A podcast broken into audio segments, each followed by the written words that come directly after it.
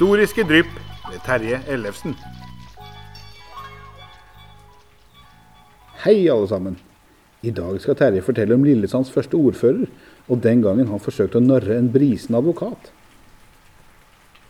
Hammers hus og pæretre. En historie om Lars Hammer og hans hus. De fleste gamle hus i Lillesand er fra 1800-tallet.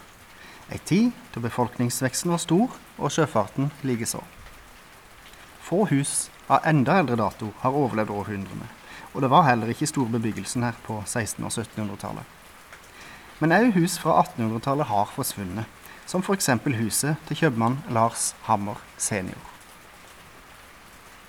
Stedet Lillesand hadde etter folketellinga i 1801 bare 99 innbyggere fordelt på 23 husholdninger. Selv om man tar i betraktning at datidens Lillesand kun utgjorde deler av dagens Lillesand sentrum, så blir det ikke så mange hus alt i alt. Men landskapet rundt tilhørte gårder i Vestre Moland, og også der lå det hus. I løpet av århundret skulle Lillesand vokse raskt, og befolkningen mer enn tidobles. En av disse tidligere lillesandere i folketellinga var matrosen Lars Jensen Fogh. Ti år seinere, i 1811 under napoleonskrigene, var han blitt kaptein.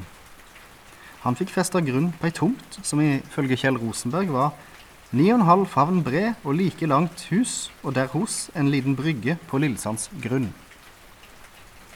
Fogg var under napoleonskrigene kaperskipper, for sluppen kommandør Sølling.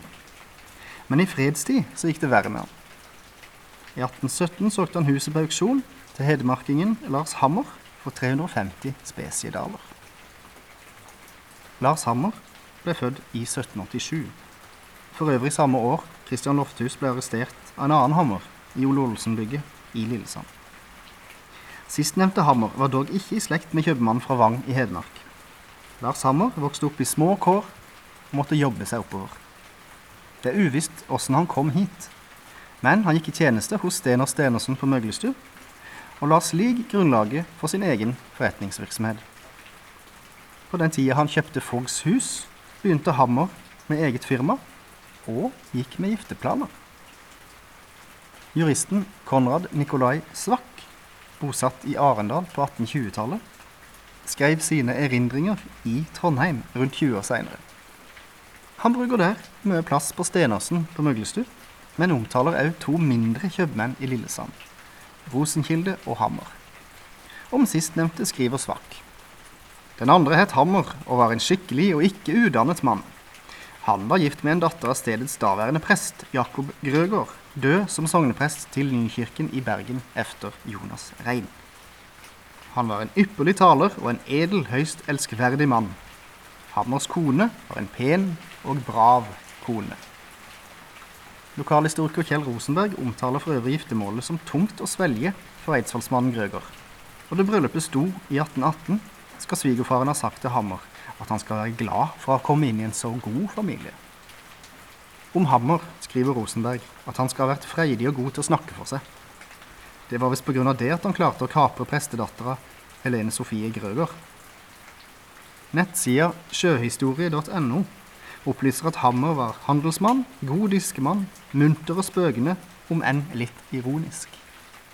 Den tidligere nevnte Konrad Svakk kan òg fortelle følgende fornøyelige anekdote fra 1820-tallets Lillesand. I denne manns hus havde jeg en gang en meget lystig dag, medens min venn Engebret Finne etter faderens avgang som konstitueret bestyrede embetet. En tingdag hadde vi spist middag hos Hammer og satte utenfor huset under et meget stort, av benker omgivet tre, og drakk kaffe. Kjenner du dette treet? spurte Hammer meg. Ja, visselig, svarte jeg. Det er et hasaltre. Nei, det er et pæretre, vedblev han.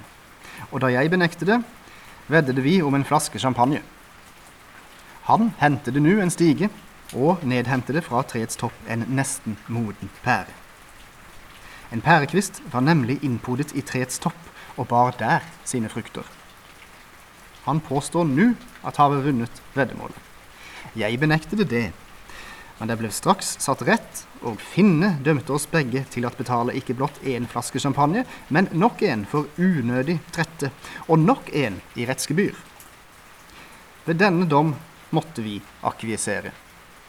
De seks flasker champagne ble vi hentede hos Stenersen, der solgte vin, og under megen lystighet tømte.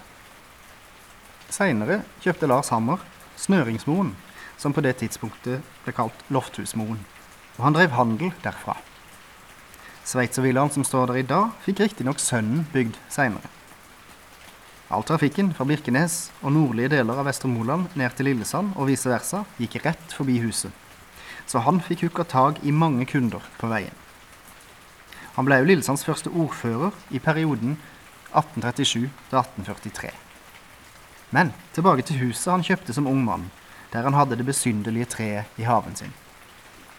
I Skjøde sto det at Hammer hadde kjøpt husebygninger på Lillesand i Vestre Moland sogn med iværende kakkelovn, mur og nagelfaste innredninger samt mot årlig avgift tilliggende grunn og bryggeplass.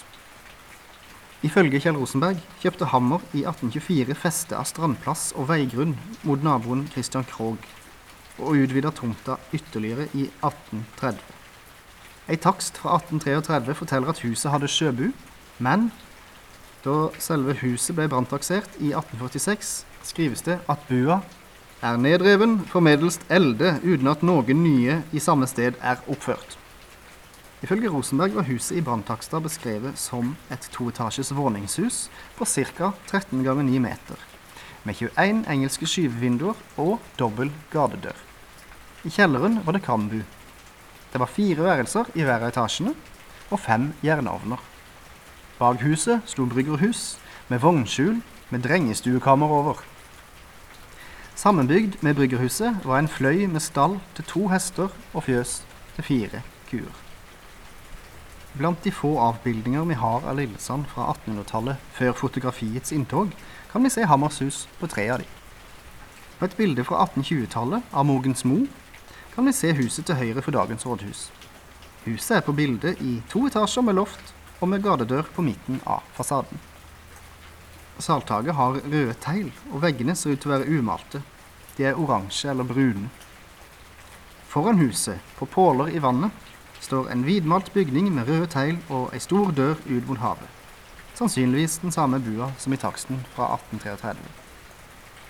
I en eh, kopi av et lignende bilde fra 1824 kan vi se det samme huset, men da i svart-hvitt. Bildet er litt utydelig, men alt ser ut til å være likt. Noen år seinere, i 1852, er det kommet til en mengde nye hus i Lillesand. Blant annet kan vi se Johannes Grøgårds hus, som i dag er museum, og litt lenger opp i samme gate broren Christian Grøgårds hus, som i dag kalles Tingsalen. Hammers hus vises her som et stort, hvitmalt hus som ligger midt mellom to seilskuter. Dette bildet er litt mer detaljert enn de to foregående bildene. Det er som forventa ikke noen spor etter noen lagerbu foran huset, men huset kan muligens ha fått halvvalma tak. Det er ikke så lett å se. Og Kjelleretasjen, der Hammer hadde krambu, kommer klart fram på bildet. Huset har nå to skorsteiner, noe eldre bilder ikke viste. Men de eldre bildene har ikke samme detaljnivå, så det behøver ikke bety noe. Men det er flere bilder av Hammers hus. Det eksisterer heldigvis et par fotografier av huset fra midten av 1800-tallet. Begge bildene har omdiskuterte dateringer. Det er i hvert fall fra tida mellom 1850 og 1870. Det viser at maleriet fra 1852 er korrekt utført, og at dette huset var et staselig og høyt trehus i ampirstil. Men dessverre så er det sporløst borte. Hva er det som har skjedd?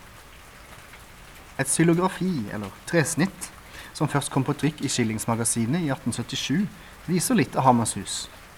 Men dette er ikke det samme huset. Og det er heller ikke den samme Hammer. Sønnene Hans Jakob og Lars drev firmaet videre, og overtok huset etter farens død i 1867. Hans Jakob Hammer reiv Fogds gamle hus fra 1811, og bygde der det første murhuset i Lillesand. Et hus som fortsatt står der den dag i dag.